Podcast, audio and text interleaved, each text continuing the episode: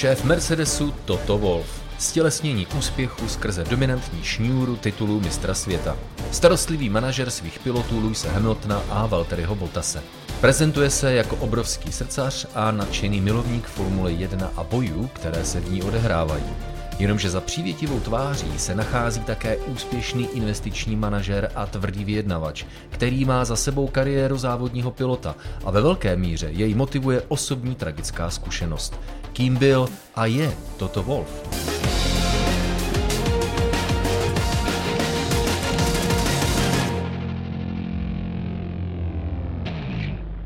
Losing is, is a humiliation but more it's about not meeting my expectations. Torger Christian Wolf, známý jako Toto Wolf, se narodil 12. ledna 1972 ve Vídni. Jeho otec pocházel z Rakouska, kořeny měl ale v německém Sedmihradsku. Jeho matka byla Polka a živila se vědou. Její specializace byla fyzika. Toto vyrůstal v rakouské metropoli, kde se mu dostalo dobrého vzdělání.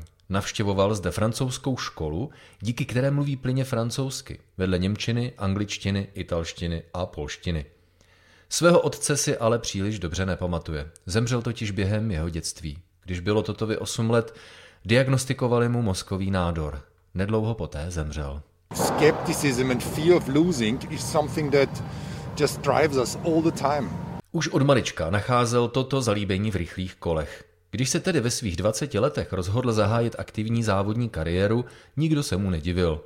A že by byl toto Wolf neúspěšný, se také říci nedá. V roce 1994, dva roky po zahájení kariéry, zvítězil se svými kolegy ve své kategorii v závodě 24 hodin na Nürburgringu. V roce 2002 získal v šampionátu FIA GT v kategorii NGT celkové šesté místo a v jednom závodě dokonce zvítězil. Okruhové závodění ale nebylo jediné, které Wolfa přitahovalo. Rakušan si vyzkoušel jízdu na divokých okresních cestách. V roce 2006 se totiž zúčastnil rakouského šampionátu rally.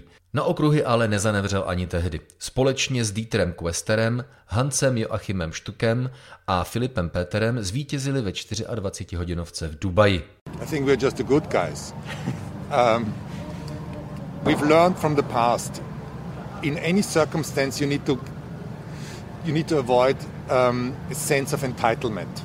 Aktivní motoristickou kariéru zakončil Toto Vol v roce 2009. V tomhle roce se stal závodním instruktorem Walter Lechner Racing School a zároveň zajel rekordní čas s vozem Porsche RSR na severní smyčce Nürburgringu. Wolfova posedlost automobilovými závody ale nebyla tou hlavní, díky které se v budoucnu Rakušan proslavil. Jako jezdec nebyl špatný, ale ještě lépe mu to šlo s čísly. Wolf měl jednoduše řečeno čich na dobré investice. V roce 1998 založil společnost March 15, která investovala do IT technologií.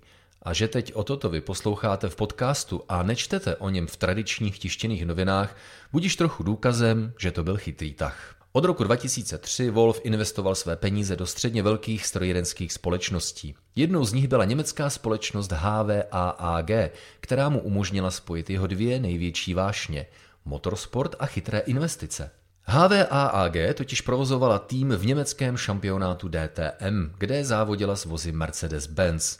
Zároveň vyvíjela pohonné jednotky pro Formuli 3 a také pro závodní vůz Mercedes-Benz SLS AMG GT3. Investice do motoristických společností neskončily u HVA. Wolf má velký podíl ve společnosti BRR Rally Racing, která patří mezi největší dodavatele speciálních dílů na rally vozy v Evropě. Toto Wolf se dokonce spojil s Mikou Hakinenem, se kterým vytvořil manažerskou společnost zabývající se sportem. Pod Wolfovými křídly zakotvili například Bruno Spengler, který je šampionem DTM z roku 2012, nebo s francouzským závodním pilotem Alexandrem Préma, či Valtterim Bottasem, kterému Wolf nyní šéfuje ve Formuli 1. Jedním z nejnovějších kroků je Wolfova investice do automobilky Aston Martin – v loni rakouský biznismen odkoupil necelý pětiprocentní podíl, přestože šéfuje tak říkajíc konkurenčnímu týmu. To nás postupně přivádí k Formuli 1, kde se Wolf prosadil asi nejvíce. Success of a, of a team is never, is never down to one person. Wolfova pouť Formulí 1 byla zahájena v roce 2009 koupí podílu v týmu Williams. V průběhu dalších sezón působil v úzkém kruhu vedení týmu. V roce 2012 mu byla přidělena funkce výkonného ředitele. Právě za jeho vedení získal Williams své dosud poslední vítězství ve Formuli 1, a to ve velké ceně Španělska s pastorem Maldonádem. Wolfovy ambice ale neskončily u legendárního týmu, který se dlouhé roky spíše trápí. Wolf vzhlížel výš a v lednu 2013 přijal nabídku na pozici výkonného ředitele týmu Mercedes stáje, která vznikla v roce 2010 odkoupením týmu Braun GP. Kromě vedení týmu ale odkoupil také 30% jeho akcí, 60% vlastnil přímo Daimler a 10% připadlo Nikimu Laudovi. Wolf si tak začal razit cestu do úplného čela týmu. Jenže stále tu byl Ross Braun, který celému projektu šéfoval.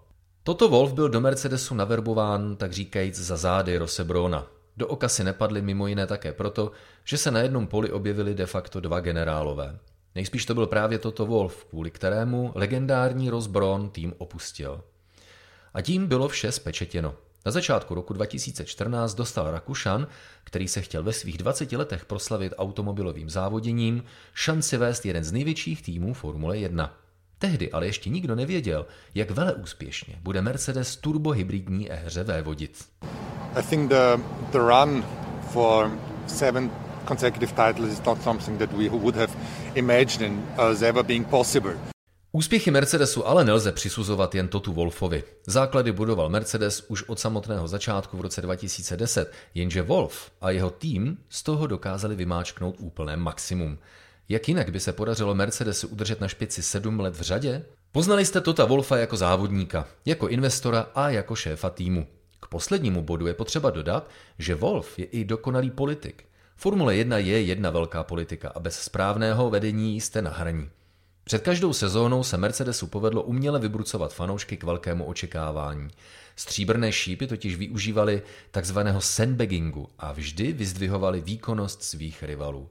Bylo, a je tomu tak i letos, kdy převážně toto Wolf hovoří o neskutečné síle Red Bullu a o tom, jak Mercedes není dostatečně rychlý. Ze všech prohlášení bylo cítit, jako kdyby Mercedes za svou konkurencí šíleně zaostával, jenže realita je jiná. Možná je trošku pomalejší než Red Bull, ale ne o tolik a částečně také proto ono první letošní vítězství v Bahrajnu. Wolf se na současné formě Mercedesu podepsal velkým písmem. Kdyby tomu tak nebylo, asi by neprodloužil smlouvu o další tři roky. Wolf se našel na správném místě. Zkušený analytik, chytrý investor, vášnivý závodník a šikovný manažer. Všechny tyto aspekty ve vedení týmu využívá. Ať už se to lidem líbí nebo ne, toto Wolf je nejúspěšnějším šéfem týmu v historii Formule 1. Žádný jiný šéf doposud nevedl tým, který by získal sedm pohárů konstruktérů v řadě. A letos svede tuhý boj o osmý titul. How long can you be as effective, as good as you have been at the beginning? How long does your energy last? And with 500 hours in airplanes every, every year and 250 hotel nights, nobody can tell me that they can go forever. Um, if somebody thinks that, then they don't realize that their performance drops. And you know, it's not a lot. You can become from great to very good, but that's a drop in performance. And I don't want to ever come to this point.